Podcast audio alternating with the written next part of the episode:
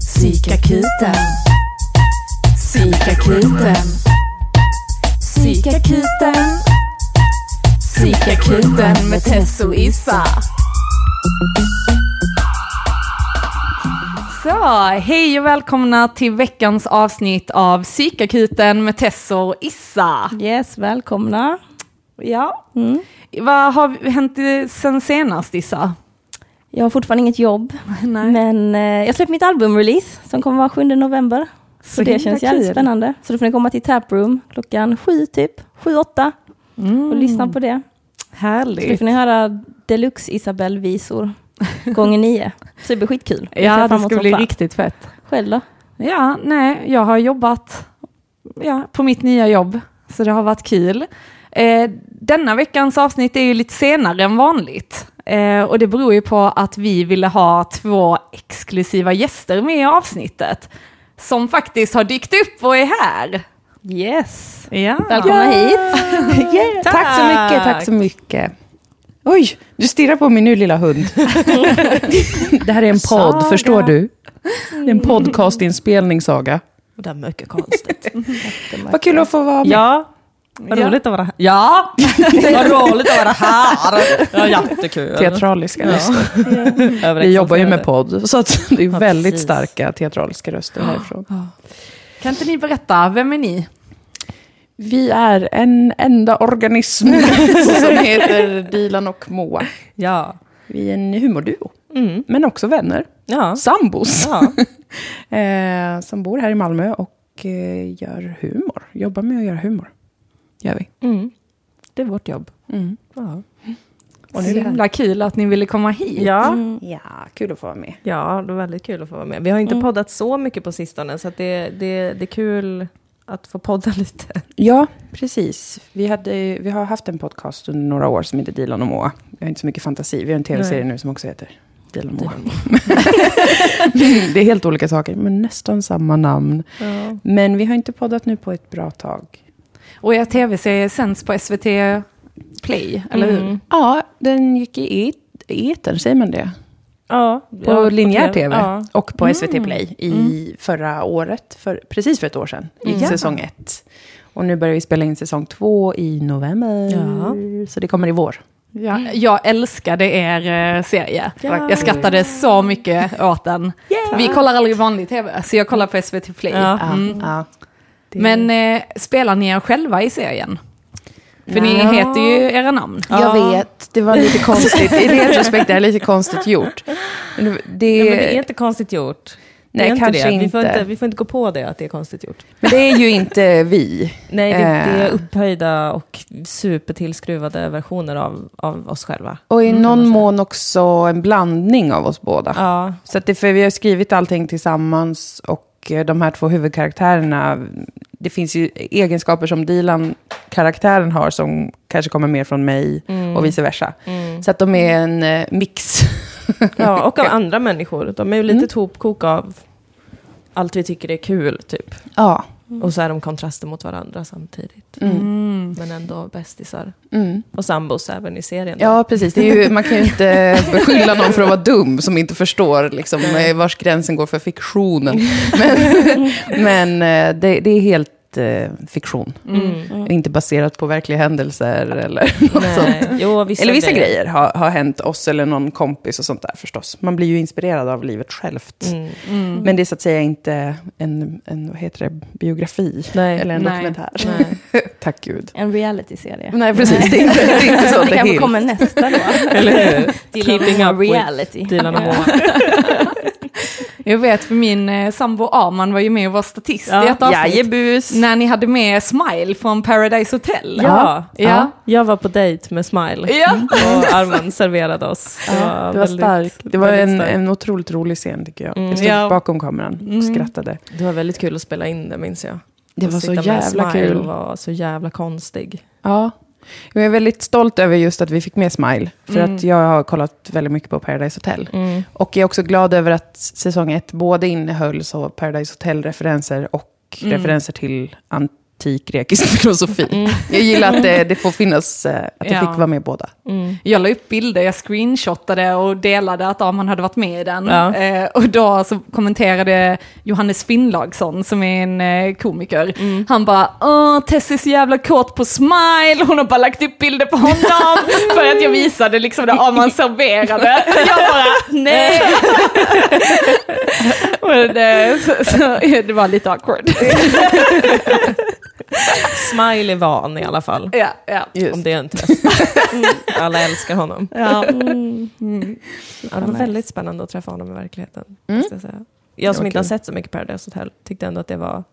För jag vet att han är stort. liksom the Paradise Hotel-deltagare. Mm, mm, mm. Så det var, det var coolt. Mm. Jag kollade faktiskt, eh, återupptog Paradise Hotel, faktiskt den säsongen han var med. Mm. Så Ja, jag hade Bra säsong Ja. alltså. Ja, det var Christ. Mm, mm, mm.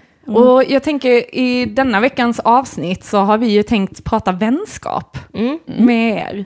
I och med att ni är vänner och Ja, vi är vänner. Så jävla sjukt. ja. Jävla Sammanträffande. sammanträffande. Alltså. ja. Men kan inte ni berätta, hur känner ni varandra?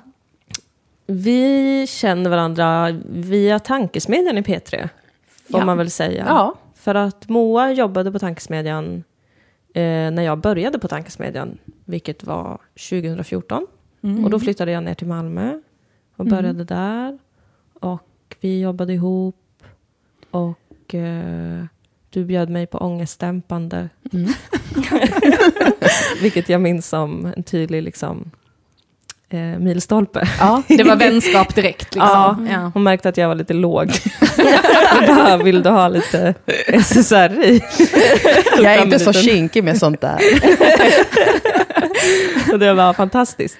Ja. Så kände jag att här är en underbar kvinna. Ja. Går runt på stan och delar ut. Behöver du något? Du såg lite ledsen ut.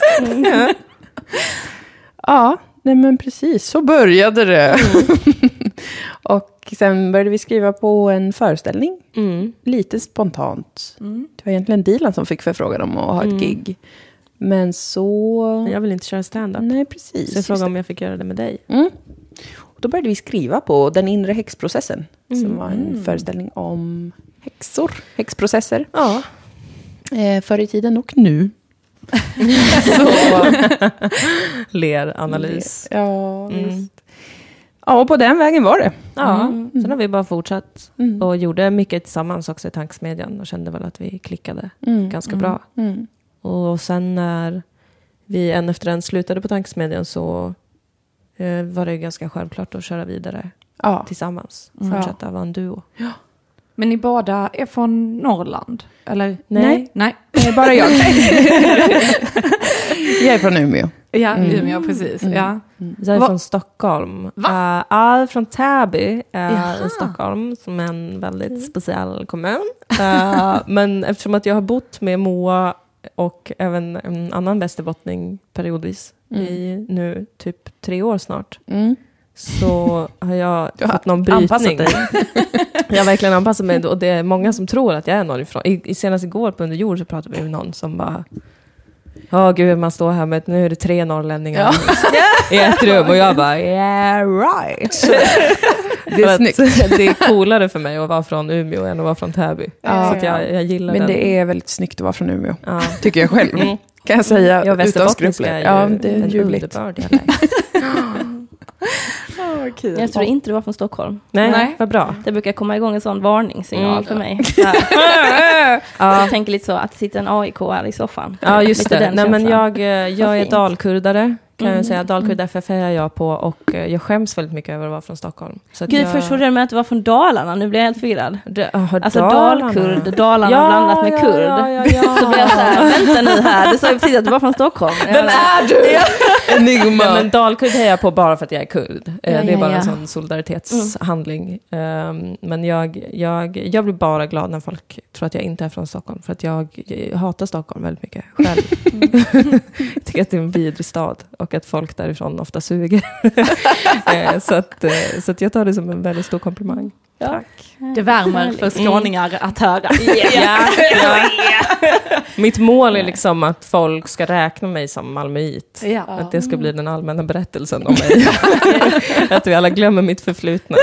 Eh, Men jag kanske får börja prata skånska då. Ja, Mm. vi får kämpa med den övergången. Ja, Lite lättare att prata norrländska kanske. Ja. är ju det. Skånskan är ju trixig. svåra R och sånt där. Ja, det är det. Ja, det är det är Men ni bor ju liksom inte på den orten där ni växte upp. Nej. Så ni flyttar ner till Malmö. Flyttar ni ner liksom med någon eller ni flyttade ner och... Ja, jag flyttade ner när jag var 17-18 från Umeå till Mm. Malmö. Och pluggade på folkhögskola Mm. ett år. Jag hoppade av gymnasiet i Umeå och flyttade hit. Så då flyttade jag hit själv. Mm. Ehm, och sen bodde jag i Stockholm en period efter det, Mm. två år. Sen kom jag tillbaka och nu har jag bott här i många år. Sju Mm. år säkert eller något sånt. Mm. Är det många av er liksom gamla vänner som också från typ innan man slutade gymnasiet? Den tiden liksom, som bor i Skåne? Nej. Nej, det är för Inte två. Jag har två från Umeå. Ja, Maria och Anna. jag har in, ingen här tror jag. Det var någon jag kände från tidigare i Stockholm, men som jag var en bekant typ. Som jag visste bodde här när jag flyttade ner. Men annars var, hade jag ingen här när jag, när jag kom hit. Nej. Så jag var ganska ledsen först. Och bodde på ribban först. Ja, jag bo- först hyrde jag någon lägenhet på Södervärn som bara var tillfälligt och sen så hamnade jag på Ribban dit ingen ville åka och jag var Nej. bara så här lost, jag har ingen koll på Malmö, liksom vart man ska bo.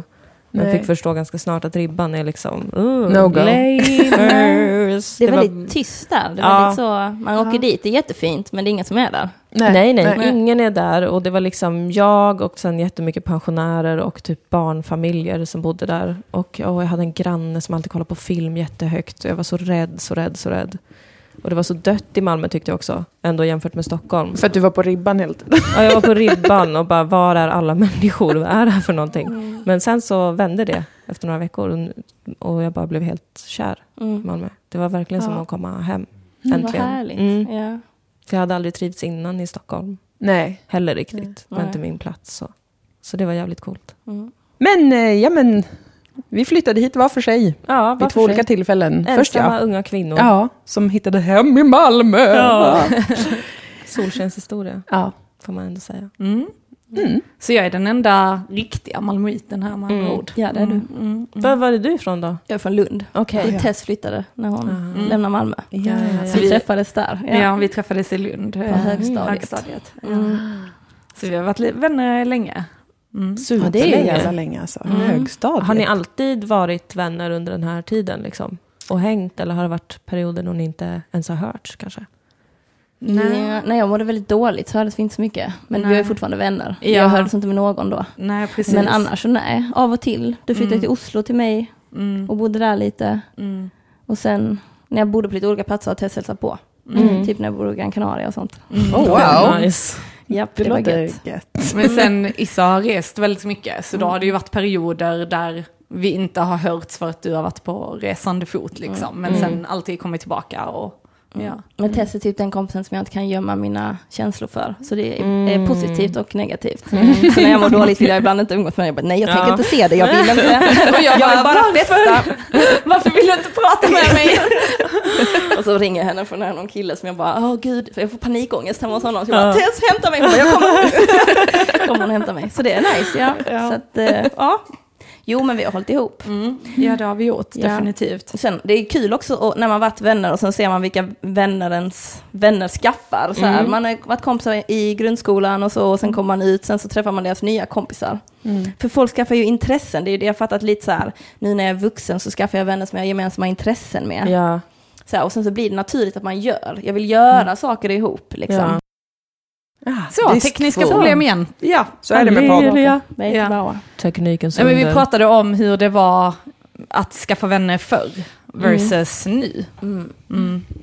Ja, ja, men det var väl det också att man blir ihopfälld med folk som man inte riktigt eller jag kan fatta varför vad är jag kompis med dem nu, kunde jag Mm. märka för några år sedan. Varför är vi fortfarande vänner? Eller vad är det vi, Mm. en gamla minnen eller vad det nu är Mm. man Mm. så.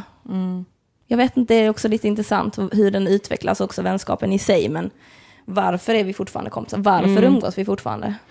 Jag Mm. vet inte, hur många gamla, har ni många gamla vänner liksom från, eh, tidigt i skolåldern?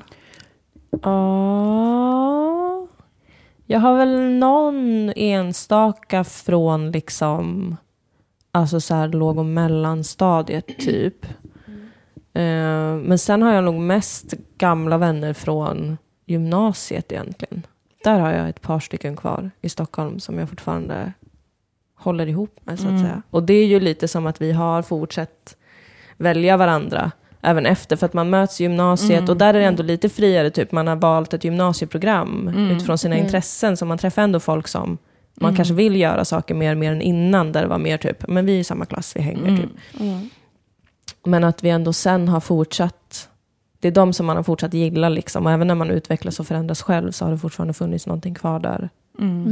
I liksom lojalitet och utbyte och att man ändå fortsätter vara intresserad av varandra. Typ. Ja. Jag har också, jag har inga vänner från in, alltså kvar från innan jag var, tror jag, kanske 15. Mm. Ehm, jag träffade två av mina närmsta vänner när jag var 15 ungefär. Ehm, och de har jag haft kvar. Och sen typ inga fler från den tiden. Ehm, faktiskt. Inga från låg och Nej. mellan och sånt där. Inga från barndomen. Nej. Men det var, jag upplevde ett stort skifte i mitt liv när jag var typ runt 15.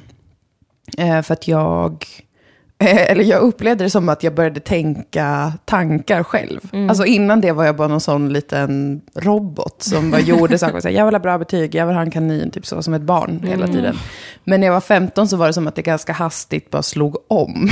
Ja. och jag fick egna tankar och känslor. Jag fick mm. jättemycket ångest. Jag fick eh, jättemycket problem med saker som jag aldrig hade tänkt på innan och sånt där. Eh, så att de jag träffade då blev vän med under den perioden. Det blev så, så pass starka eh, band av att mötas i en sån period. Eh, och som sen har hållit över åren för att fick en grundläggande förståelse på något sätt för varandras eh, eh, mest fundamentala drag. Vad man är mest rädd för och alla sådana här saker. Var så himla blottlagt i den åldern och i den fasen. Så att det, det gjorde ett starkt intryck på mig. En av mina allra bästa vänner bor i London och har bott där i tio år. Men, men det har alltid känts, vi träffades när vi var 16 tror jag, eller 15. Eh, det har alltid känts som familj på något märkligt sätt. Även när det har varit skit och det har liksom hållit på att kännas som att det håller på att ta slut och sånt där. eh, Så har det ändå varit i kontexten av att det är hemma på något sätt. Ehm, så det, det, det tror jag har mycket med, med vänskap att göra. Hur man träffas och hur, hur tidigt man vågar visa, hur, hur tidigt man vågar känna tillit till en annan person. Och om man har plats för det i sitt liv också. Det är mycket som ska klaffa. För det kan ju också vara i vissa perioder där har man inget intresse typ av andra människor. Eller så Ja, känner i alla fall ja. jag. Typ att det är så här, ibland så känner jag bara, nej men jag vill typ inte ha någon, jag vill inte ha någon till kompis. jag vill bara ha dem jag har. Alltså jag tycker det är väldigt intressant för jag har pratat med några killkompisar om just vänskap och vem som, eh, bland annat jag och Anton hade den diskussionen för jag jag såg honom som, ja men han är en av mina bästa vänner. Eh, det är ju Amans kompis från början, men vi har varit väldigt tajta. Och han så, ja men du kanske är på min eh, topp fem-lista i alla fall. Och jag bara, va? Vi umgås varje dag, vadå vi är jättenära, vad pratar du om? Men då räknar han sina vänner från barndomen. Alltså han Okej. räknar vem han har varit kompis med längst. Medan jag tänker mer, men vadå, de jag har från barndomen umgås inte jag med längre. För att vi har vuxit ifrån varandra. Så för mig är det mer, nu är vi kompisar för att vi har ett utbyte och då Ja. har man blivit, det spelar ingen roll hur länge man har varit vänner. Nej. Utan mer vad man får för utbyte med varandra. Men jag tror det är vanligt med, eller om jag tänker på så här killar man träffar, så har det varit att alla har sitt barndomsgäng. Ja, att de umgås typ i grupp liksom, och har sina, medan tjejer verkar vara mer så här, hoppa in då och bli kompis där och där. Och, eller liksom baserade på kanske var man är i livet. Är man singel, träffar på en annan tjej ute som också är singel, så blir det, ja ah, vi är skittajta, sen skaffar den kanske pojkvän, helt plötsligt slutar man Får man umgås. dig singeltjej? Ja, men, håller Jo. ni med eller? Ja, men lite faktiskt. Jag, jag, jag ansluter mig lite till den spaningen. Jag tycker mig höra mer killar som är liksom, om jag har mitt gäng, mitt gamla gäng. Liksom. Och så är det så här, fast mm, Det är Gillar folk ni du träffar varandra? typ en gång om året. Ja. Och ni verkar inte ha jättemycket gemensamt. Nej men nu ska vi ses och ha en killhelg. Ja. Den har fått barn och den har gjort det. Så vi ska väl prata om det. ja. Okej, vad roligt då. det var så kul. Men jag har ju inga killkompisar. Eller min pojkvän är min enda killkompis någonsin. Alltså jag har bara, jag har tre stora systrar och sen har jag bara nära vänner som är kvinnor. och det har alltid varit så. Jag kände ingen kille. Alltså, någon, alltså jag har verkligen på riktigt aldrig haft en killkompis. Så han, han blev den första killen jag lärde känna. Alltså då menar jag kompis som alltså, nära vän. Ja. Jag, jag har såklart varit bekant med killar. Jag är inte en galen sektledare som bara, det är bara kvinnor. Eh, nej men det, han, min kille då, är min första killkompis också. Så att jag har fått en insyn i det här via honom. Och han har ju också sådär eh, solida gäng, flera stycken till och med, från ja, men typ från barndomen eller från tonåren, som fortfarande ses sådär. Så att, eh, det verkar vara... Jag vet att jag har varit lite nyfiken på det här, för jag säger, men verkligen, För det, det bara, känns som att utbyte? Fördomen är lite tvärtom. Eller så Ja. det känns som att man ser på kvinnor som några som så här hänger i sina tjejgäng. Ja. Fastän det är ju mycket mer, faktiskt som du var inne på Tessa, att liksom man bryter ut mycket mer och går vidare kanske. Och hittar nytt, lite så. Ja. För nu börjar jag ta, jag har ändå två bästisar som är killar. ja, du har ju killkompisar Ja. faktiskt. Jag har, ju, jag har ju alltid gillat killar mycket. För att jag ville vara kille väldigt mycket när jag var yngre. Mm. Så jag hängde mycket med dem. Och där är det ju lite, lite lika nu. Alltså jag vet ju att de här två bästisarna till mig har sina så här gamla, en av dem har ett gammalt, nej båda har gamla killgäng från gymnasiet. Som är liksom samma killar och det är viktigt att man ses ibland. Och pratar lite om känslor och lagar lite mat och ser vart man har kommit någonstans nu då. Men det är liksom, ja det är verkligen samma eh, kärngäng. Sen hänger de ju med folk liksom och får nya kompisar. Men det är så tydligt att de här kärngängen hänger kvar. Ja, det är intressant faktiskt. Fast min, eh, alltså, min uppfattning är att de inte snackar så mycket känslor. Nej. Utan det är väldigt mycket så här skämt, skämt, ö, ö, Ja. alltså nu gör vi detta. Och sen om, om jag frågar till exempel om min kille är iväg och träffar sina kompisar så är det så, åh men, ja, men hur gick det med skilsmässan där? Eller hur gick det med detta? Och han bara, jag vet inte. För de har inte liksom ens Men pratat om killar det. är jättedådåliga på att skvallra. Ja. Jag tror Ja, de är mina- faktiskt helt inkompetenta när det gäller Ja. skvaller. Och de måste lära sig. Det är De måste fucking lära bullshit sig. att inte kunna skvallra. För att, men jag tror mina killkompisar är lite ett undantag för att de, de båda är liksom, jag tror att anledningen till att vi har hängt ihop så länge är för att de är mer kvinnor än vad de är män. Alltså det är de som, och det kanske är de som också har varit lite drivande i sina gäng, att så här, nu måste vi börja prata om typ vår psykiska hälsa, för att vi Ja. alla är deprimerade. Eh, och liksom, vi pratar mycket om sånt, men, men jag märker det också på, på många män, att eh, skvaller är, att de som nästan står över skvaller lite. Skvaller är ju också väldigt kvinnligt kodat. Men jag tycker, alltså jag tycker skvaller är så fantastiskt bra. Ja, det, är, det definitivt. fyller så många funktioner. Det är Men så jag, jag tänkte på det du sa nu, för jag, hade, jag umgicks med några killar här som var iranier och de snackade så jävla mycket skit hela tiden. Och så tänkte jag det du sa att ja, men mina killkompisar är nog mer feminina, Ja. så tänker jag iranier feminina. ja, det, den teorin stämmer. Iranierna bekräftade. ja, ja, ja, definitivt. Ja. Har ni några gäng? Ehm, Eh, Dilan är mitt primärgäng. Dilan och min kille och eh, Maria är mitt gäng. ja, vi har ju haft gäng. Jag minns, eh, men nu känns det som att allt är lite i förändring också. Jag känner också att mina vänskaper är mycket i förändring. Som den här barndomsvännen jag har. Vi har liksom inte hörts på jättelänge och jag är lite så här, vad händer? Typ. Så att jag tänker mycket på de här grejerna. Och vi har, vi har ju varit, både du och jag Mo har ju varit en del av ett tjejgäng. Mm, det var väl ett typiskt sånt egentligen singeltjejer som Ja. börjar umgås mycket på grund av att alla är singlar. Ja. Alltså sen var alla jättefina personer, inget sånt. Men det var kanske det som var den största eh, faktorn som man anknöt över. Intressegrejen Ja, där. precis. Ja, Hobbyn. ja, ja. Och sen försvinner alla efter en- successivt in i relationer. Ja.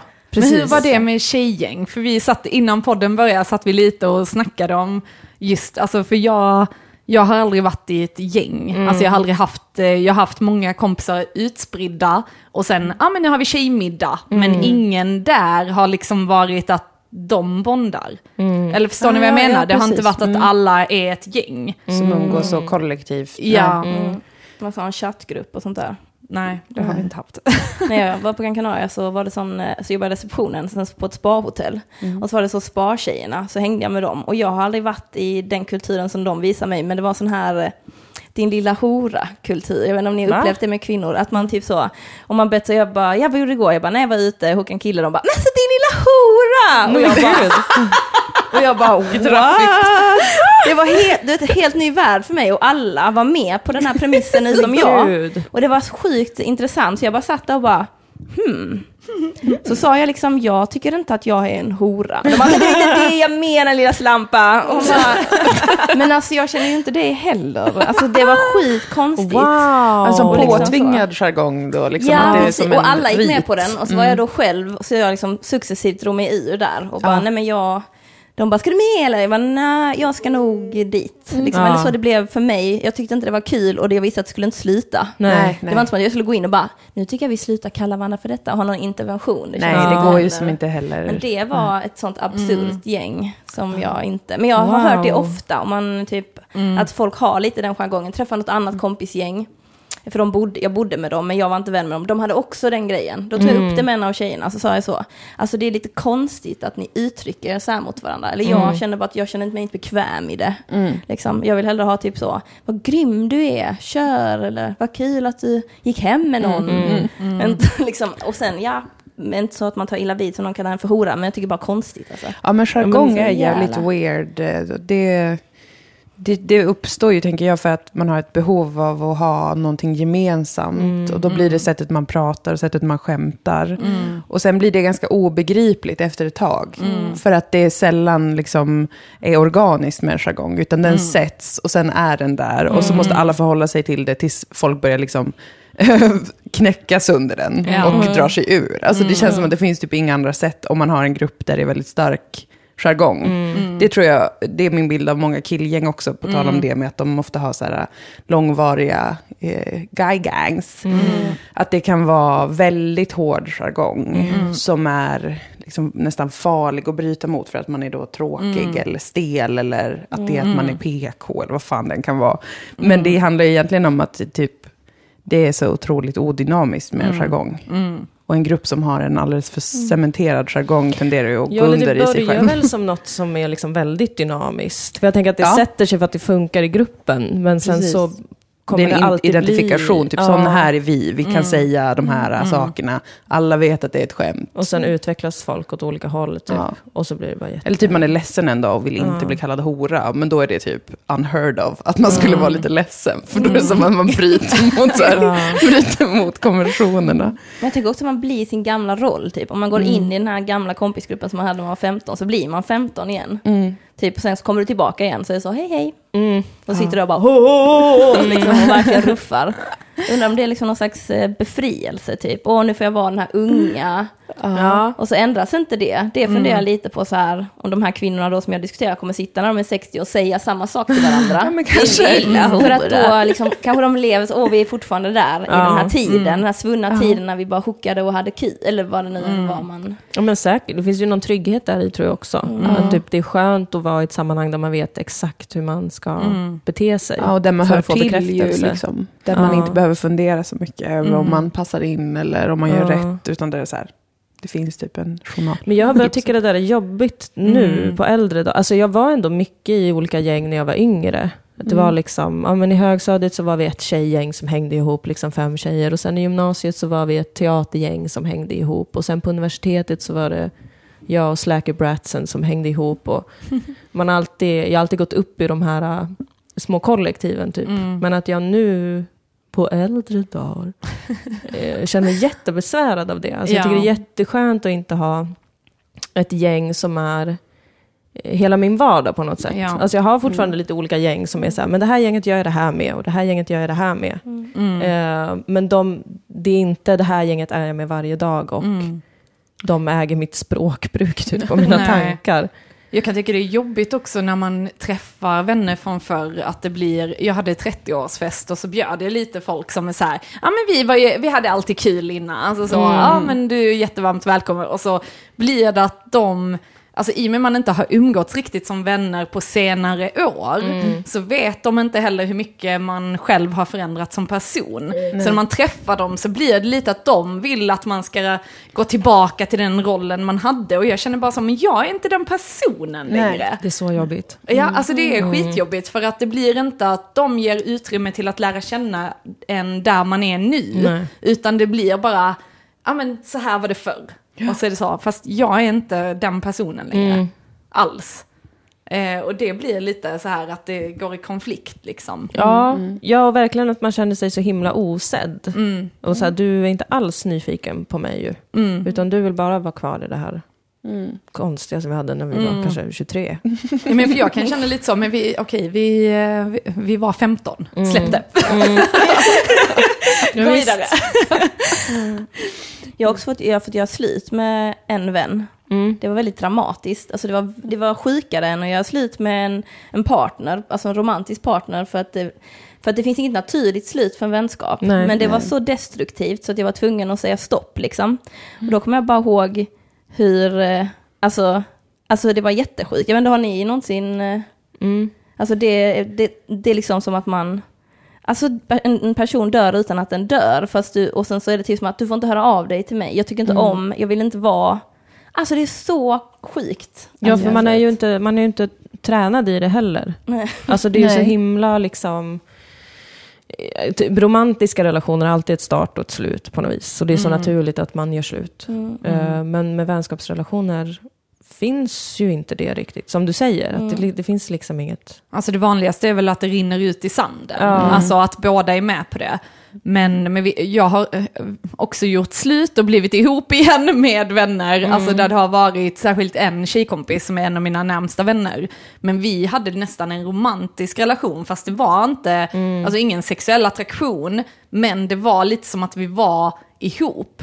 Och det blev svartsjuka om man gjorde något med någon annan och att vi bråkade och man kände bara, men alltså du har inte rätten att göra så här. Men, och det var ju, nu har vi ju fått balans efter att vi har typ gjort slut tre gånger. Ja. Men det, ja, och då har det ju varit liksom att man tar paus och att man lär sig sina gränser. Men det var skitsvårt i början, alltså just när man känner, du var ju med en gång, vi åkte till Göteborg och skulle gå på klubb, så följde Issa med. Och den här tredje tjejen då, jag tror hon kände sig utanför eller om det var Hon var, någonting. hon var sur, jag upplevde bara att hon var sur hela tiden. Ja. Och jag försökte vara lite kul och hon var bara sur. Hon hatade dig. Ja. Det var så, du kompis med Tess, det är inte okej. Hon är min. Och det var ju jätte-weird Ja, liksom. det var- Och där kände jag bara så, detta är ohälsosamt. Ja. det är inte. Ja. Alltså, ja. Jag hade en polare som st- nästan ströp ihjäl mig en gång. Eller Men hon, va? vi är inte vänner längre, fast det har runnit ut i sanden. Jag gjorde inte slut med henne. Nej men vi var typ, eh, det var, alltså hon blev irriterad på mig för att det var någon kille som hon också gillade. Så hade jag liksom, fast jag visste inte, för hon berättade inte det för mig. Så tyckte jag han också var snygg, så hade jag skojat lite med honom om att om när han gör slut med sin tjej kan han ringa mig. Och då så hade han sagt, ja men det gör jag Isabel. Och då blev hon liksom, jag vet inte, arg över detta. Så hon tar ett sånt här eh, jujutsu-strypgrepp på mig. Men gud. Vad är det för Alltså, strypgrepp? Alltså du tar liksom, eh, så att du har... Så, som när Ja. man ska liksom skoja Du lägger med armen om i gamla halsen. Ja, svenska armen om filmer. halsen ja. Filmar. Precis.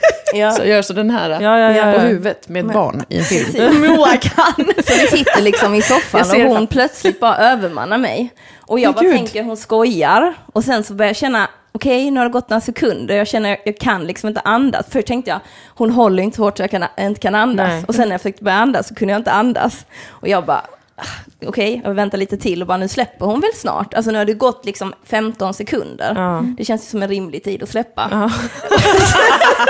det är väl kutym? Hallå? Och så fortsätter hon och till slut fattar jag hon kommer inte sluta. Så då försöker jag liksom slå hennes huvud och typ eh, trycka in mina fingrar i hennes sida. Och så hon rör inte sig ur fläcken. Så till slut får jag sticka upp mina fingrar i hennes röv. för Hon har leggings på sig. Hon släpper ändå inte mig. Och sen då till slut släpper hon mig. Och jag bara liksom bara What the fuck? Och jag bara tittar på henne, jag bara går rakt in på toaletten och bara Oh my god, vad hände precis? Och sen kommer hon och knackar och bara Förlåt Isabel, förlåt, jag vet inte vad som hände. Och jag bara känner Oh jag vet inte heller vad som hände, lord. men jag dog Nej. nästan precis. Ja, det var labilt if I ever det heard of it. Jävla good riddance! Helvete. Du lovade att du inte skulle berätta den historien. Tess! Skärp dig! Sånt här vill vi höra. Ja, shit alltså. Ja, men det kan ju bli så himla intensivt. Jag tänker att det är det man inte heller förväntar sig av, av vänskapsrelationer jämfört med typ romantiska relationer. För där är det så inkluderat med liksom, det är så mycket passion och Mycket svartsjuka och känslor. och vänskap ska alltid bara så här, det ska funka av sig själv automatiskt och vara så enkelt. Och så finns det så himla mycket som är Alltså jag har också gjort slut med en kompis där det verkligen var att jag bara hela tiden kände mig som en dålig pojkvän. Ja, så, Jag har i efterhand tänkt på liksom att det där var ju, det var så mycket mer en romantisk relation än vad det var en vänskapsrelation. Och hur jävla konstigt det bara blev. Ja men alltså det blir jättekonstigt när man inser att, ja men du tror typ att att vår relation ska vara något annat. För jag kände mig också som en dålig pojkvän hela tiden. Så blev jag så, ah nu fattar jag hur min kille känner. här, inget jag gör blir bra. Bara, Vad fan. Det är Ja. så märkligt. Ja. Ja, det är verkligen... Det, det är verkligen också som att man inte vet var man ska... Alltså nästa steg för tillit är om det inte finns en sexuell aspekt. För det tänker jag annars fyller en stor funktion i liksom, tillitsskapande. Att i sexuella relationer, långvariga så att säga, så, så är ju det en en liksom praktik som man måste hålla, eller måste, som man vill hålla på med, att man ligger med varandra. Och man har den säkerheten eller en känsla av att liksom, det här gör vi. Och då det blir det väldigt tydligt om, om den andra är otrogen eller vill ligga med någon annan, då är det liksom direkt så här, av, vad är det som är fel? Så man har liksom ett konkret uttryck för det bandet. Och med en vän så har man inte det lika tydligt. Det är inte så här, vi umgås jämt och det är vår... Alltså det är inte, blir aldrig lika konkret. Det är svårt att veta vad man kan kräva av en vän jämfört med kanske en partner. Precis, och det är svårt att veta så här, när är det att jag inte kan lita på att du tycker om mig lika mycket som jag tycker om dig. För det fyller ju sex en viktig funktion. Så, Ja. så länge man ligger Ja. med varandra så vet man så här, yes. Eller det vet man ju inte, men man, man tänker ju ändå det. Ja. Alltså, de flesta som är i parrelationer eh, tänker väl att om man slutar ligga med varandra så är det en dålig grej, typ, eller det blir jobbigt och stressigt. Men eftersom man inte har någon sån måttstock i vänskapsrelationer så tänker jag att man blir liksom mer nervös över typ, vad betyder det. Om man inte riktigt har byggt den tilliten så är, blir man väldigt neurotisk. Typ, Om man känner som att man själv säger att man vill umgås men inte får tillbaka lika mycket. Och då är det det enda man har att mäta med och så är det är väldigt nervöst för en. Särskilt om det inte är uttalat, vilket jag också tänker att det sällan är. Eftersom det finns andra förväntningar som du nämnde, på vad vänskap ska innebära. Man ska inte hålla på och vara så här, jag känner mig sårbar inför det här. Utan man ska bara vara så här, vi är kompisar. Is that my phone?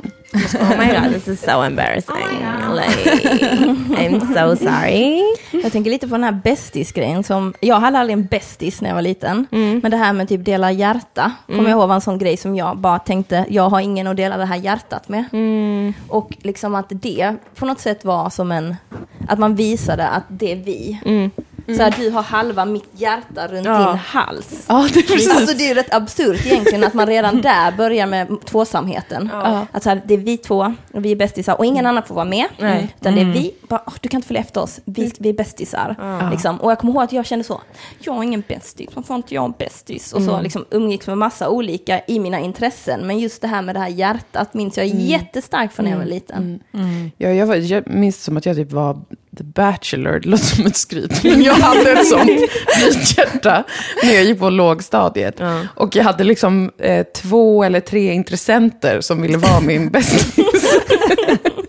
och eh, så var det en, en, ett kalas för en av dem.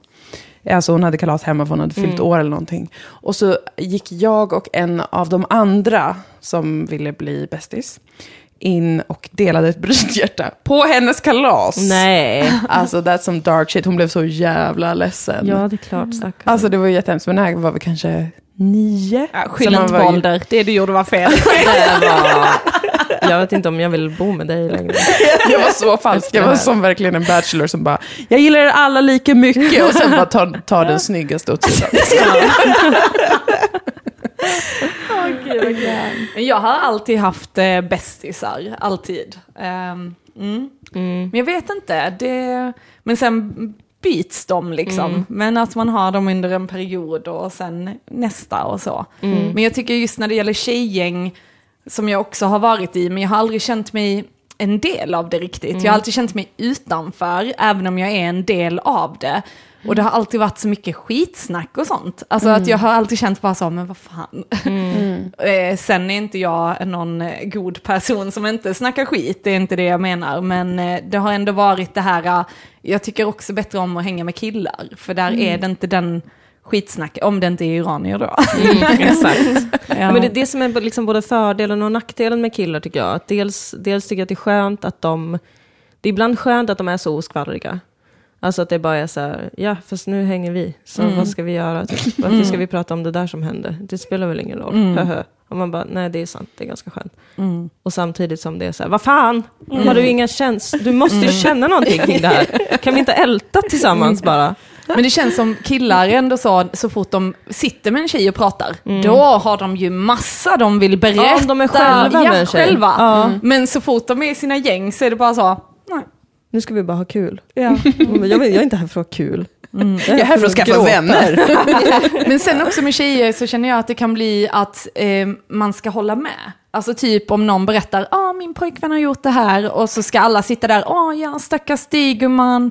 Alltså att det inte är, ibland är det inte så ärligt utan det är Nej. mer det här uh, medberoende och bekräftelse och sen så när man kanske går därifrån så är det så, oh my god vad hon är patetisk. Alltså förstår ni vad jag menar? Att man inte kan säga straight to your face liksom att skärp dig eller varför är du, alltså att man vill gärna ha en god min i gruppen även om alla vet att det snackas om sen. Jag vet inte. Ja, ja, men det är precis det som har börjat skrämma bort mig från, från tjejgäng. Faktiskt. Alltså det här att det är så lätt att hamna i, i, i, ja men verkligen hamna i en jargong och hamna i liksom en stämning som kan vara så himla svår att rucka på. För att då ruckar man på hela gruppdynamiken typ, om man vill inte vara den personen liksom. Samtidigt som man känner typ, är jag helt ärlig nu? Eller liksom, Mm. och istället distansera sig från de andra för att Ja, jag tror att det alltid sker en kompromiss att umgås i grupp som om det finns en grupprelation och inte en sammansättning av individuella relationer. För att det är ju inte riktigt, alltså att umgås till, låt säga fem pers. Jag hade också ett tjejgäng på högstadiet. Det, det var väldigt harmlöst, det var inte mycket av eh, skitsnack och sånt där. Men vi var också så himla barn, mycket barn. Vi typ lekte lekar och sånt. Alltså, det var, vi var inte ett coolt tonårsgäng, utan vi typ drack O'boy och lekte hela tiden. Så att det är inte riktigt, det inte riktigt samma eh, grej kanske. Men, men jag vet, jag började vantrivas väldigt mycket i det för att jag kände att det inte fanns utrymme att vara ärlig med att jag till exempel då hade börjat känna jättemycket prestationsångest. Eller det var okej att ha prestationsångest, men inte att ha ångest som blev värre än så. Eller som var liksom ett problem. Och det var ju inte för att jag egentligen trodde att de inte skulle fatta, utan det var bara att det var unheard of i den gruppen, i den dynamiken och i den jargongen. Så blev det, när jag gjorde försök att uttrycka typ så här, jag får panik, jag har typ panik över det här. Så blev det ändå att de, det var, det var inte att jag kände att jag blev liksom nersågad eller något sånt, men de backade lite, finkänsligt. Och det är en väldigt, väldigt stressig situation. Och det är sånt som jag tänker gör att de flesta då slutar umgås i sådana grupper där det inte finns utrymme längre. Det blir klaustrofobiskt. Men jag tänker att från början går man in i en sån grupp med att man kompromissar med sig själv. Att man, för att få vara en del av en större eh, relation då. Men jag tror generellt att det inte funkar så jättelänge. För att man har redan gett bort så mycket i början för att vara en del av det. Jag tycker det är svårt när vänner mår dåligt. Alltså för att man känner sig så maktlös, precis som om ens partner mår dåligt. Att det blir, ja men som Issa när du mådde dåligt och tog avstånd. Vi pratade ju typ inte på ett halvår. Eh, och det var ju skitjobbigt för att jag ville umgås men jag visste att du mådde dåligt och ville ge utrymme samtidigt som man bara, ja, ska vi aldrig ses igen? Eller vad händer? Alltså att man, man kompromissar hela tiden med vad vill jag och vad vill min kompis? Och vad behöver min kompis och vad behöver jag? För det är ju ett utbyte. Så att om det bara är på en persons premisser hela tiden, då är det ju inte ett genuint utbyte. Samtidigt som man har hänsyn. Och jag har hamnat ofta i situationer där jag ger upp allt för mina vänner. Om det är någon som mår dåligt, det kan vara att man sitter ett gäng och festar, sen ringer ens kompis bara jag har skitmycket ångest. och direkt ska in i sovrummet och prata med henne och, och sen blev det så, men hallå detta är på bekostnad av vad jag gör just nu. Och om man inte kan ställa upp då blir den kompisen sur på en för att den inte tycker att Ja. man ställer upp liksom. Men jag vet inte, alltså, Jag tycker det där är jättesvårt. Jag, och jag, jag, det är precis en sån situation som jag befinner mig i nu. Att så här, jag vet att den här barndomsvännen mår eh, inte bra, har liksom inte kontakt med så många. Och så här, jag vet att jag ska inte ta det personligt, att liksom vi inte har så mycket kontakt nu, för jag vet ju hennes förutsättningar. Och å andra sidan så finns det en del av mig som bara så här, saknar min kompis. Bara är så här, men jag, varför får inte jag varför får inte jag tillgång till dig nu? Jag blir jättearg. Varför bekräftar inte du att du inte finns här för mig just nu? Det är en svår... eh, Jag tycker det är en- svårt att veta. Och för att jag har också tidigare varit väldigt mycket så att så här, jag gör slut med kompisar, alltså jag klipper folk. Ehm, och nu är jag någonstans där jag känner att jag vill inte göra det. För att jag ändå sätter ett så himla stort värde till de här vänskapsrelationerna och vill liksom vara mer stoisk inför det kanske. Att liksom, okej men nu är det så här nu. Det behöver inte betyda att det är slut mellan oss. Utan det bara är så nu. Och sen kommer vi hitta tillbaka till varandra. Men jag liksom kastas mellan de två. Den väldigt förstående och den väldigt dramatiska sidan av mig själv. Don't leave me, I'm fine. Don't leave me, I'm fine. Min morsa berättade för mig, för hon, det var någon person som dök upp, så började hon prata om den här personen. Jag bara, vem fan är det här? Hon bara, Mm. nej vi pluggade ihop. Jag bara, jaha. Jag bara, och var har hon varit sen jag föddes? Och då var det så, nej, ehm, eh, det var typ någonting, hon tyckte hon var alldeles för dramatisk. Det var bara problem hela tiden. Ah, okej. Och då var de, vad kan de ha varit då? 24. Och det var bara problem och hon bara, jag pallade inte längre. Det var bara så här, problem, problem och jag bara kände, jag orkar inte mer. Så tog hon avstånd. Och sen nu liksom. Ja. Då var de 24 och nu har de fått tillbaka kontakten när mamma var typ 61. Mm. Hon har löst sina issues nu. Nu, nu känner jag att vi kan vara med varandra. Och hon bara, och det är så himla härligt, vi har så kul ihop. Det är så Och jag bara, då känner jag så, Mm. man vet aldrig. Liksom. Nej. Man kanske inte funkar just nu, det försöker jag säga till mig själv, samma som dig. Liksom. Kan inte funka just nu, men sen. Mm. Ja. Men att man inte liksom kommer in med en massa känslor som är liksom i en, jag är rädd att du aldrig vill vara med mig, Mm. vad är det som är fel på mig? Kanske är det jag säger till folk liksom. Mm. Och bara, ja okej, just nu så är det inte kompatibelt.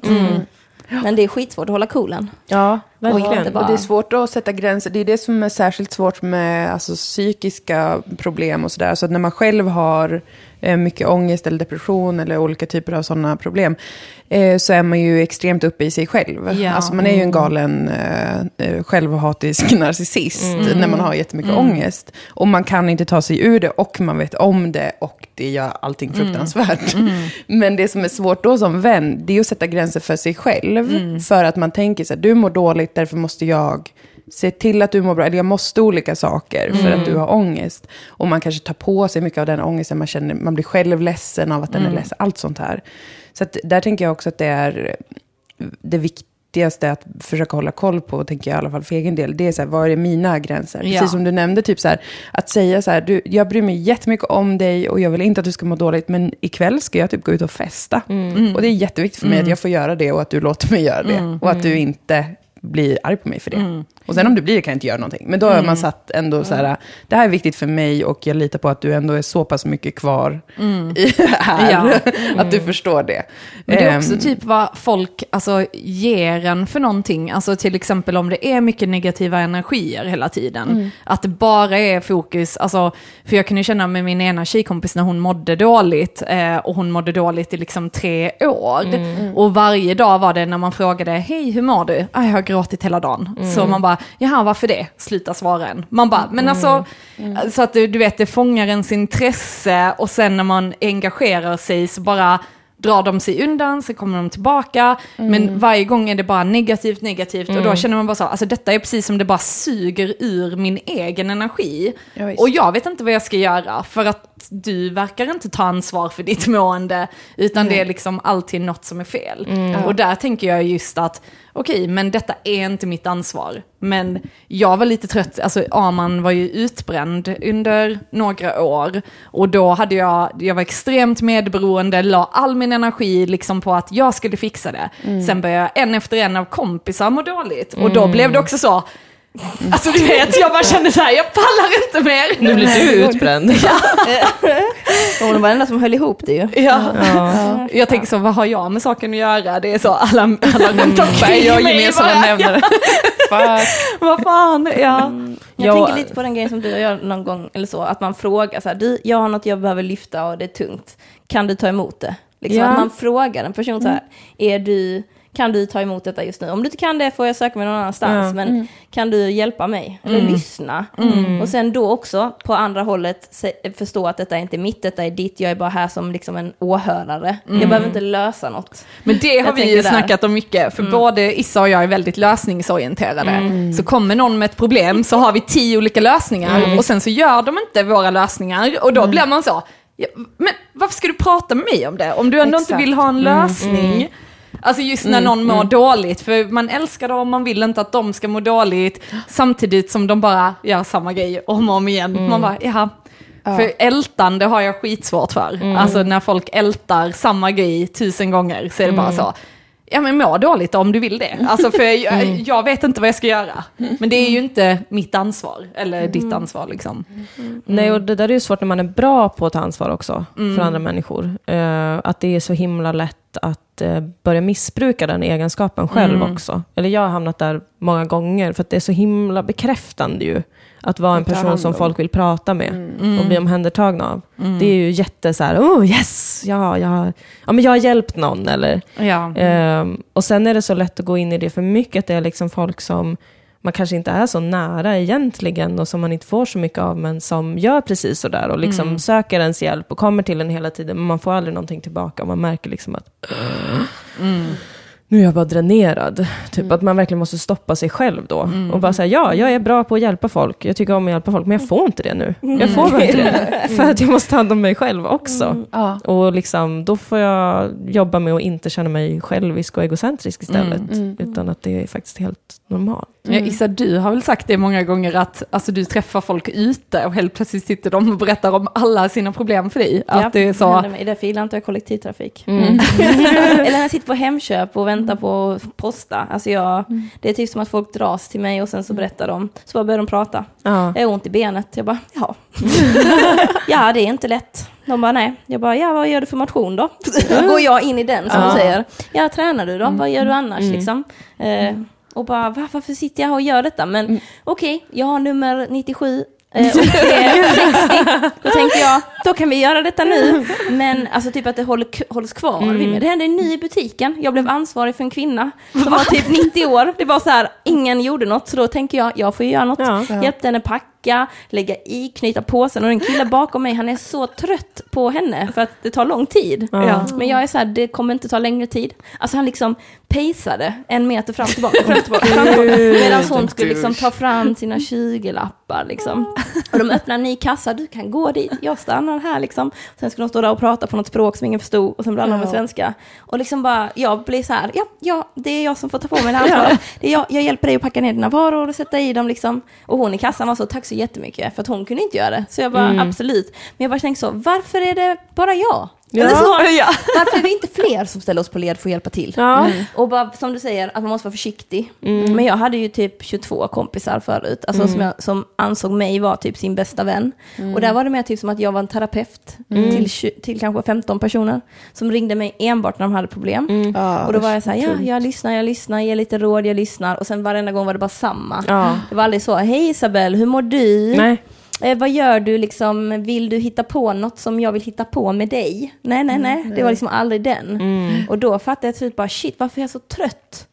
Jag sov liksom typ 12 till 14 timmar varje natt och för mig var det så, ja men det ska man göra som människa, det är jättebra att sova mycket, man bara, eller om man behöver sova så mycket kanske inte det är bra. Nej. Kanske det är någonting. Och så är i överkant. Så. Ja, och typ så ta hand om alla nya på jobbet och alltid ta hand om allting. Och, äh, äh, äh, liksom bara, varför gör man så? Som du säger, ja, jag är skitbra på det. Ja. Men det kanske inte är det som jag ska hålla på med. Nej. Och då var det typ så, shit, nu är det mer så här, nu kan jag fokusera på, nu har jag gjort mig av med jättemycket människor som du säger, bara hej då. Och då kunna fokusera på dem jag verkligen älskar och som älskar mig. Det är en helt ny värld. Jag har hållit på- med detta kanske ett och ett halvt år nu. Jag bara kommer aldrig gå tillbaka dit igen. Nej. Alltså det är helt fantastiskt. Vad höll jag på med innan? Ja. Nej, men det är så, det är så märkligt vad man, kan, vad man kan hamna i. Bara för att, alltså det, det är ju något som kommer från en så himla god plats ju, och vilja hjälpa folk. Mm. Men sen så småningom så blir det ju Det blir falskt, är ett hårt ord. Det blir, för det blir självutplånande och det Mm. blir ju, då hjälper man ju egentligen inte en annan Mm. person. Nej, då Utan- kommer man bara ställa sig till ledet av de som snart behöver akut hjälp. Ja. Och, och då hjälper ingen av de andra vännerna utan man får dra till psykakuten. Ja. Ja, men Helt ensam. Verkligen. Ja. Ja. så himla kul. Jag har så himla många vänner. Så jag sitter helt själv och mår skitdåligt. Men vad tror ni, vad tror ni är så här rimligt? Hur många vänner är rimligt att ha? Alltså, Det beror nog jättemycket på Ja. eh, dels personlighetstyp och sen vilken typ av vänner tänker jag också. Jag har en väldigt sån, jag, jag trivs väldigt bra med att ha ganska jävla få vänner. Vad innebär få? Um, jag skulle säga att jag har tre, fyra. Förutom mina systrar som jag också räknar som väldigt nära vänner. Men där har jag ju familjeperken, att de är eh, liksom de. ja men känner ni eh, att eh, era vänskapsrelationer har påverkats när ni har blivit liksom framgångsrika inom ja, men tv-världen och poddvärlden och så? Mm. Inte de närmsta vännerna, Nej, tror jag inte. nej. Någon av oss. Nej, där har det varit glädje och tummarna Ja. upp. Ja, mycket support och mycket glädje och det är kul och så. Men sen har man ju haft kompisar. Kompis kallar jag dem som inte är lika nära som en vän. Okej. Eh, kompisar och bekanta som man har märkt ganska tydligt har eh, så börjat behandla en som, men typ så kalla en kändis och vara så här, åh, men ska du göra det här och du är ju känd nu och ska inte du gå före i kön och lalala, hur är det egentligen att bo med Moa typ? Ja, lite så här, Okay, this is very weird because I thought we had a connection. ja. Och så är det bara så här, och vi är i Sverige, alltså jag tycker det är så pinigt när folk börjar hålla på så i Sverige för att man inte kan vara känd här. Alltså jag, jag tycker inte att det går riktigt. Och att folk ska börja Nej, bete sig som att man har någon alltså. stjärnglans typ, fast, fast man har gjort ett radioprogram. Ja, alltså Jag jag tycker tycker det det är jättekul. Jag vill liksom gärna få jobba med, med allt det här och allt sånt där. Det vill ju du också. Men det är liksom, det är ju att det är kul. Det är ju inte att det är någonting annat. Det finns inga, illusioner om att det här livet ska bli någon slags Glamour. glamour. Telenovela. det är liksom, det är, men, nej men precis, man märk, jag märkte också i vissa eh, relationer, där, mer ytliga relationer, där det blir, då blir det återigen någon sån lite hård, konstig jargong, där man känner sig som rekvisita. Att någon, och alltså att någon blir osäker själv kanske kring hur den ska förhålla sig till att man är med på tv eller någonting. Och eh, inte kan herbergera den osäkerheten, utan måste så här, eh, skämta lite hårt om det. Och att det bara blir hemskt. Alltså det känns aldrig kul. Det är Då bara känner så. jag bara att den här människan känner inte mig. Ja, nej, den här människan har Mm. ingen aning om vem jag är. För att den, om den kände mig skulle den veta att jag tycker sånt är fruktansvärt Mm. pinsamt. Mm. Mm. Och jag vill inte vara vän med folk som ser på mig som en typ offentlig person. Mm. Nej, det blir jättekonstigt. Det blir superkonstigt att hänga Man känns då. som David Hellenius typ, när man ska Ja, gå ut man på alltid måste baren. leverera. Men är det så att folk kommer fram till er om ni är ute? Ibland Ja. händer det. Inte så jättemycket i Malmö. Fast det kanske är för att vi aldrig är ute i Malmö. Nej, vi är mest hemma. hemma och spelar spel. Vi är båda hemmakatter Ja. och det grövsta. Men, Jo, men det i händer. Stockholm och Göteborg är det väl främst Mm. eh, storstäderna. Mm. Där kommer det fram en del folk. Även i Umeå faktiskt. Mm. Min goda hemstad. Ja. Upplever ni då att, någon av, att folk vill bli er kompis nu, eller vän? Mm. Jag märker det. Jag märker det ibland. Alltså att folk, folk som man kanske har träffat någon gång och man har märkt att det, det är ingen vibe liksom. Mm. Som ändå hör av sig och är jätteglada och typ vi ska göra det här tillsammans. Man, var, varför? Så kände inte du också att det var liksom jätte... Det var ju jättetråkigt när vi träffades. Men du, du kände att det var jätteroligt. Och då tänker jag alltid att det här är, det här är någon sån grej. Jag, jag, börjar märka det mer och mer tycker jag. Att Ja. förut var jag så här, nej men det kan inte vara det. Typ. Det vore ju helt sinnessjukt att folk gjorde så. Men nu har det ändå hänt några gånger att man, man märker att det är en konstig stämning Mm. När folk hör av sig. Och de beter sig som att man är mycket närmare än vad man är och allt Mm. sånt. Mm. Ehm, Det, det händer ju dig mer än mig. ja, men jag är också tro. en mer social slampa än vad du är. Du är mer socialt öppen. Ja. Jag är lite mer eh, shut down. Nej, men jag, jag har inte varit med om det tror jag. Det, jo, men kanske någon så här skit random, typ människa som jag kände på lågstadiet som bara hej! Skriver på Facebook. Det är ju. Så bara, Vad gör du nu för tiden? vad vad i fan? Nej, jag har inte alls sett dig på tv senaste tiden. Det är nej, inte alls det. nej, nej, Nej, nej, nej. Jag bara nej, nej. tänkte vi borde bli bästisar igen. Och... Vi hade så mycket gemensamt då. vi var åtta? Nej men det händer ju mig också att folk hör av sig och tror att vi är bättre vänner än vad vi är. Inte för att jag är känd, utan för att det, det, då är det verkligen mitt fel. För att jag har det här handikappet som är att jag älskar eh, att eh, få veta typ, om folks trauman och sånt. Men att jag, jag ser det mycket mer som att vi kan ses typ ute på en bar och ha ett sånt samtal. Och sen behöver inte vi prata mer. För att jag kan tycka att det kan vara fint att connecta till folk i stunden. Men då har man kanske varit ganska sårbara inför varandra. Och då kanske den personen tänker att det här är början på en vänskap. Ja, Medan den jag kanske bara, inte har ja. det på andra ställen. Du bara, det här är Nej, helt naturligt. för det här är kallprat för mig. Ja, Ja, precis. jag läser ja. din chart och ser vart ditt själsliga sår ligger. Och sen vill jag prata om din måne typ. Och de bara, ja det här är jätteintima nu. nej, nej. Absolut inte. Det tycker jag är väldigt intressant för att både du och jag känner, Issa då, eh, känner väl också så här, ja, men, att man inte orkar så här small talk. Alltså att eh, jag känner väldigt mycket så, men det har jag hållit på med i flera år, att jag tycker inte om att inte kunna snacka djupa grejer. Jag känner ganska direkt om det är någon jag kommer klicka med eller inte. Och jag tycker inte om att prata om grejer och sen bara är det så, vi kommer aldrig träffa varandra igen, vi kommer aldrig prata, det finns ingen connection. Men där är det ju intressant som du säger, men hur kan ni känna att det finns en connection när det känns så tydligt att det inte är något? Och att folk kanske upplever ändå som, ja men vi har något jättebra för att vi kan prata de här djupa grejerna. Medan för mig så pratar jag om, med, om sådana grejer med alla som faktiskt Ja, är nära med den. Det är mitt problem med killkompisar. Jag har precis eh, blivit av med min sista killkompis. Mhm. För att eh, de har inte varit mina riktiga killkompisar. Nej. Och där känner jag, där, där får jag alltid höra det bara, men vi kan ju liksom vara oss själva med varandra och vi kan ju prata om djupa saker. Jag bara, men det är det man gör när man är Ja. vänner. Det är inget speciellt. Det handlar. Alltså, det är inte liksom, det är inget konstigt. Och den, det irriterar mig något fruktansvärt. Också så är det så här, och att det är en envägskommunikation ofta. Att ja, du frågar ju aldrig mig hur jag mår. Nej. Alltså det är typ bara mina kvinnliga vänner som frågar mig hur jag mår. Mm. De andra är mer så här, ja vad skönt, jag kan blotta mig för dig. och sen så, mm, eh, dina problem, inte så viktigt. Men jag, jag känner mig trygg här. Jag bara, eh, mitt Varsågod ex brukar använda mig för sådana grejer. Och så sa han att han skulle hitta han bara, ah, det är skitdyrt med coach, kostar typ 1 och 5 i timmen. Och så har han ringt mig några gånger, så sa jag så bara, du, det kostar 1 och 5 i timmen nu. Ja, bra. Jag bara, du kan få det för 1000 i timmen. Jag kan gå ner där. Men alltså jag gör inte detta gratis. Du har inte frågat mig en enda gång hur läget är med och vad som händer i mitt liv. Bara, ja, vad händer i ditt liv då? Så berättar jag en sak och sen bara tillbaka till honom. Ja, ja, mig med. Alltså jag har hänt, man bara, Gud, panik, panik, panik, panik. Ja. Åh, gud. Ja, men, då, men sådana personer bestämmer sig nog också för att man inte har några problem då. Alltså just för att det är skönt att, att prata om det så blir du någon. För det kommer jag ihåg ett ex till mig eh, som sa till mig eh, att han alltid tyckte att jag var så stabil. Och då, det var så här, ah, nu fattar jag varför jag inte ska vara med dig. Du har ingen aning om vem jag är. Jag är fan inte stabil. Alltså jag är så jävla labil. Och du har ingen aning om det.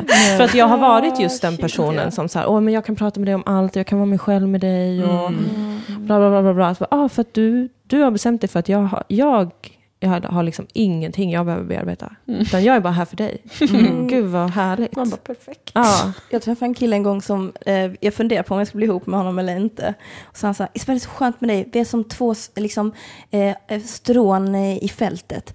Alltså jag känner liksom så här, om jag knäcks så håller du uppe mig. och jag bara, Gud, och dålig jag bara ehm, jag tror vi ska sluta ses. Ja. Jag bara, jag är ingen jävla hålla. Jag tänker inte hålla Nej. uppe dig, du får fan hålla mig också. Alltså liksom, om du vänd böjer så böjer jag lite, sen så böjer du och så bara, Mm. Men då är det bra att man lär sig de där tecknen nu tidigare, Ja. för jag har varit ihop med jättemånga sådana här knäckta strån. Jag bara Det är känner, ju så "Aj, kan bekräftande." inte göra det igen. Nej, det är ju verkligen något som först bara är så här, yes, jag får vara det starka strået, Ja, åh ja. fan vad nice, jag har kontroll över den här situationen. Och så bara, wow! jag har inte pratat om mina känslor på typ ett år. vad händer? Jag mår så jävla dåligt, varför hatar jag alla omkring mig? För att jag är så frustrerad.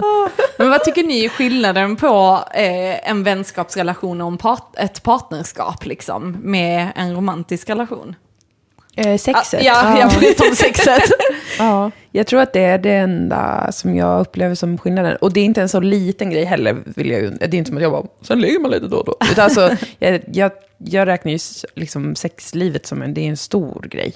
Stor känslomässig eh, grej, mer än fysisk. Och eh, liksom eh, sådär. Så det, det tänker jag är den primära skillnaden. För annars liksom är min kille, han är ju en jätte, jättenära vän till mig i alla avseenden. Precis som mina tjejkompisar. Eh, men sen är jag kåt på honom också. Och därför är vi ihop. Jag tycker mer och mer, desto äldre jag blir, att det inte är så himla stor skillnad på de här två grejerna.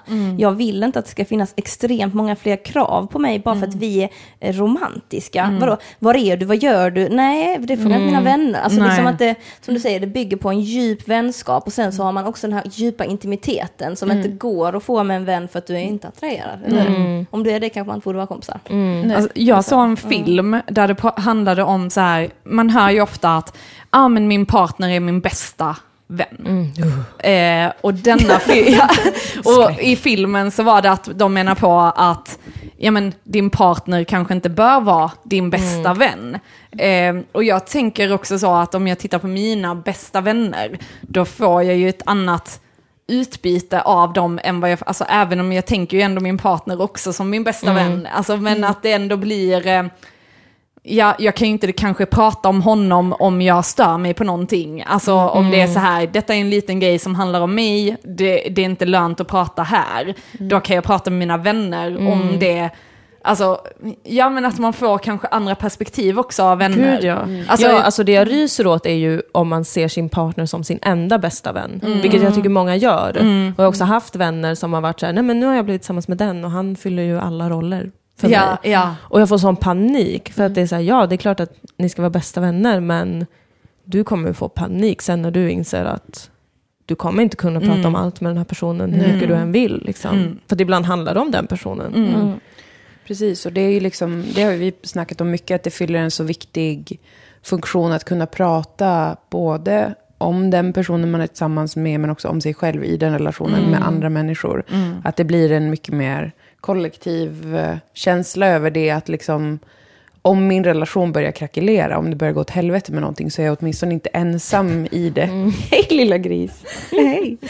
Då, är jag i alla fall, då har jag i alla fall liksom några som håller utkik och vill mitt bästa och vill också min killes bästa. För jag vill ju inte, om det skulle börja skita sig med någonting, så vill jag ju inte att han ska bli orättvist behandlad i det. Eftersom jag bryr mig om, om honom på alla sätt, så skulle jag vilja att de som vet saker om vår relation och om oss skulle vilja bådas bästa och ge råd utifrån vad de faktiskt tror blir bäst för, för båda. Och då, det kan man ju inte bara veta från ingenstans. Man måste ju vara med i loopen då.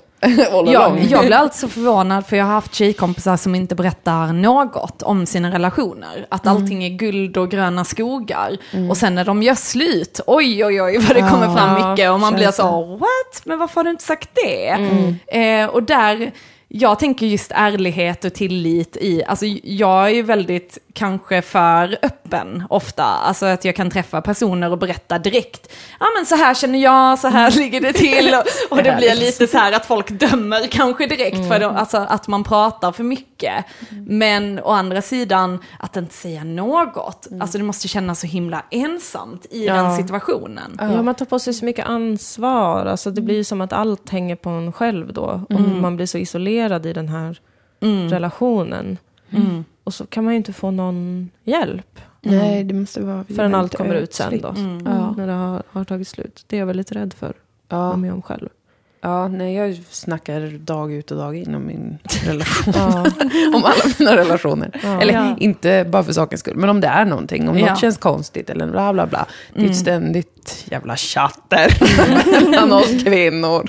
Men det är skönt att få ett utomstående perspektiv. Alltså typ att ens vänner kan ändå säga detta är helt orimligt av dig eller detta är orimligt av din partner och att man får perspektiv liksom. Och att man har folk runt omkring sig som faktiskt är ärliga mot en. Ja. Alltså det är nog väldigt viktigt. I kombination med goda intentioner. Ja, ja. ja, ja men ja. exakt. Jag tänker du kan vara ärlig fast du i, i din, att du vill liksom vinkla sanningen. Ja. Alltså så här, goda intentioner och ärlig. Den kombinationen tänker jag är superviktig. Ja, för det kan man ju så himla mycket behöva höra, liksom om man har en neuros eller någonting i sin relation eller what not, så är det ju, då behöver man ju oftast någon som är så här, men du, typ, ta ett andetag, du är sjuk i huvudet. Eh, d- och då, be, då behövs det ju att den personen har hela bilden. För annars om man bara har berättat utvalda delar så kanske den Precis. alltid är så här, åh nej, vad är det han, han är inte bra för dig, Ja, eller ja. då. Fastän det kanske är man själv som är eh, psykrubbad ibland och behöver få en lavett av sin vän. Ja. en verbal lavett. Och det är väldigt stor trygghet att känna att man kan bygga upp det, tycker jag. Jag tänker att vi ska börja avrunda här nu, eh, men jag skulle vilja fråga er, vad är det bästa med er vänskap? Oj. Ja, oj, ja, det är så många gånger. många gånger, många saker. Det bästa. Har du något?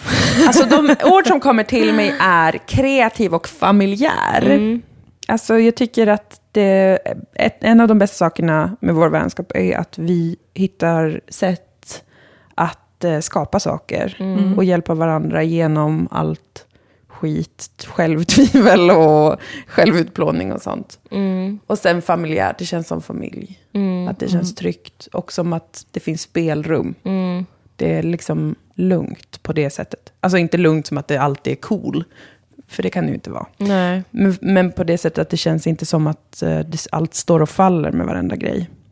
Nej, och, och, och precis det här med spelrummet tycker jag är så viktigt. Alltså för att vi är ju, jag tror att vi funkar ihop för att vi är eh, väldigt lika varandra och har mycket liknande behov och så. Det gör att det går lätt att bo tillsammans. Eh, men sen finns det också en del som jag uppskattar väldigt mycket som är att eh, jag tror att vi är ganska noga med att inte hamna i det här att man får för mycket en gemensam social jargong. Liksom. Eller typ att man ska bli orolig över att hänga med någon för att det kanske Moa inte gillar. Eller eh, att man har sina intressen. Alltså lite som det är i en romantisk relation också. Att typ så här, vi är väldigt lojala mot varandra. Vi lever ihop, vi jobbar ihop. Vi vill göra allting ihop. Men det är också jätteviktigt att vi har våra egna liv. Och våra egna vänskaper och sociala kontakter. Sen blandar vi ju mycket dem liksom för att det är kul att lära känna varandras vänner. Men att det ändå är tydligt att så här, här är också mitt liv. Ja. Där vi inte delar allt. Liksom. Ja. Och det är väldigt skönt. Mm. Och det känns viktigt för en liksom långvarig relation. Mm. Att, eh, för att det tyder på, ja men kanske det som jag kallar för fam- att det är familjärt. Eller en, en tillit till att liksom, eh, du, du har inga andra intentioner än att vi ska ha det bra.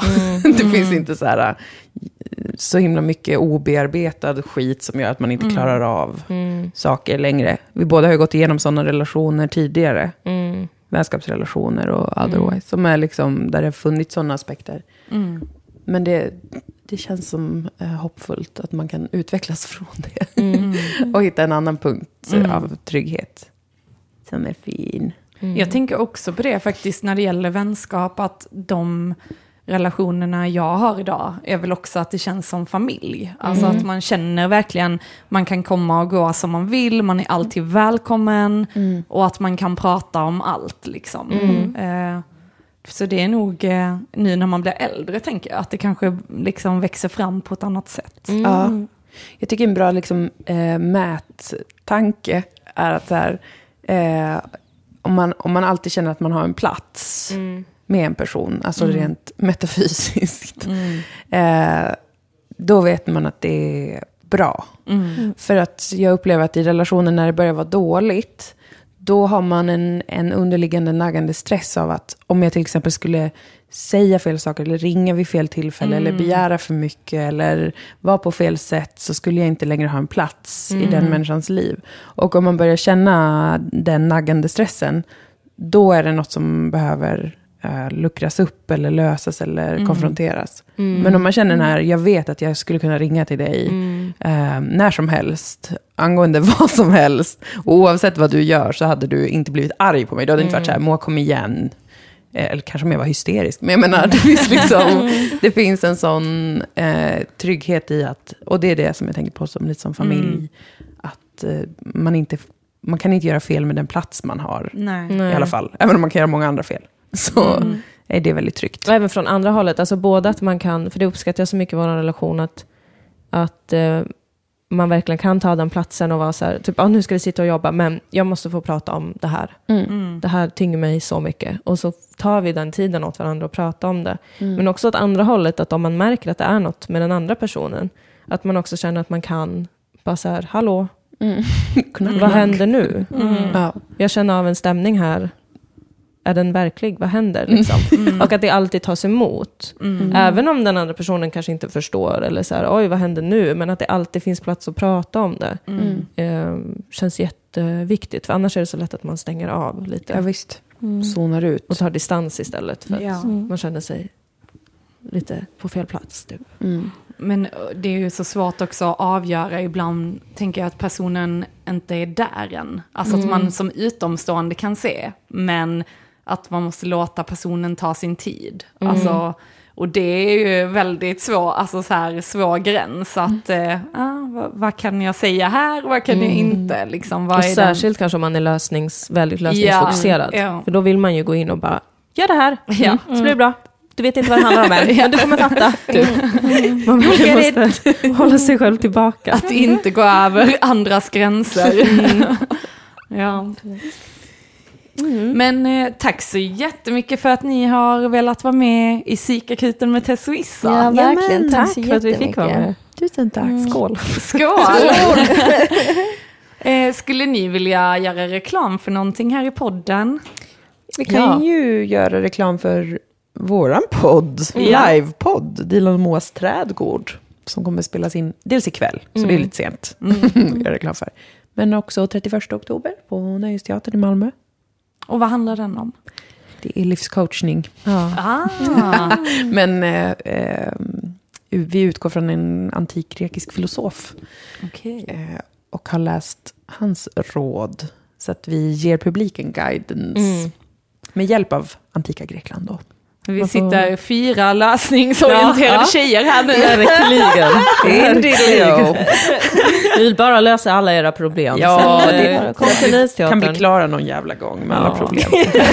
När ni har bråkat är ni välkomna tillbaka så Ja. vi fixar det. Ja, perfekt. Ja.